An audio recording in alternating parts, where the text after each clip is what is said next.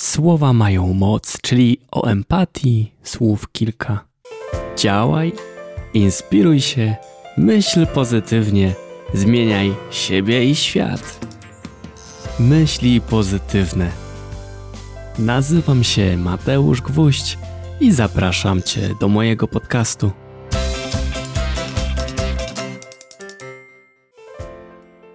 O tym, że słowa mają moc, wspominałem już tydzień temu. Nadmieniałem, jak to można kogoś zranić albo można kogoś podbudować. Dzisiaj kilka słów o empatii.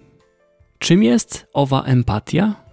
Według słownika PWN jest to umiejętność wczuwania się w stan wewnętrzny drugiej osoby, a samo słowo empatia wywodzi się z greki i oznacza cierpienie. No dobrze, dobrze, trochę definicji mamy za sobą, ale czym jest albo czym może być empatia w codziennym życiu? Moim zdaniem powinna się odznaczać przede wszystkim tym, że chce aktywnie słuchać drugiej osoby. No ale co oznacza aktywnie słuchać? Czyli być zainteresowany tym, co dana osoba mówi. Ale nie oznacza to dawanie oklepanych, uniwersalnych rad. Nawet odradzam ci, żebyś to, drogi słuchaczu, czy droga słuchaczko, robił, czy robiła. Po prostu wyraź swoje zainteresowanie, pokaż tej drugiej osobie, że interesuje cię to, co ona mówi. Możesz potakiwać, możesz odnosić się do tego, co dana osoba powiedziała.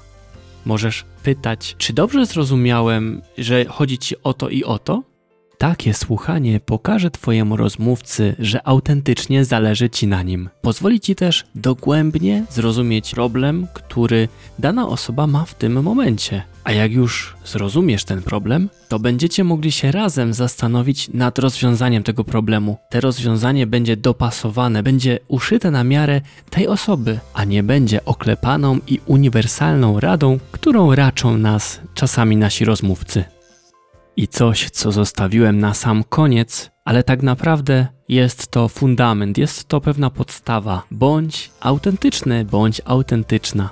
W tym, co robisz, w tym, co mówisz, w Twoim zachowaniu, Twój rozmówca bardzo łatwo zdemaskuje brak autentyczności.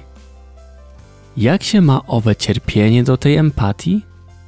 No, jeśli weźmiemy pod uwagę, że jest to umiejętność wczuwania się w stan wewnętrzny drugiej osoby, to jeśli dana osoba, jeśli nasz rozmówca przeżywa jakieś cierpienie, jakąś porażkę, jakąś trudność, to będzie to też dla nas swoiste cierpienie. Jeśli my będziemy próbować się wczuć w stan tej drugiej osoby, to będziemy z nią współodczuwać, czyli będziemy z nią współcierpieć. I po raz kolejny wracam do tej samej poruszanej kwestii. To nie chodzi, że mamy teraz się rozczulać z tą drugą osobą nad jej problemami, załamywać się z nią, czy dołować się tymi problemami. Chodzi o to, żeby spróbować się wczuć w sytuację tej osoby i z innej perspektywy spojrzeć na dany problem, po to, żeby wyciągnąć konstruktywne wnioski i rozwiązać ten problem i pójść dalej. Ale jeszcze raz podkreślę, to wszystko musi odbywać się w atmosferze autentyczności.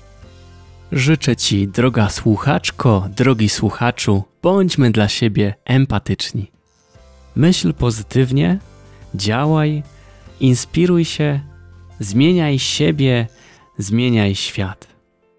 Jeśli ten odcinek Ci się spodobał, Zaobserwuj mój podcast tak, aby żaden następny odcinek Cię nie ominął.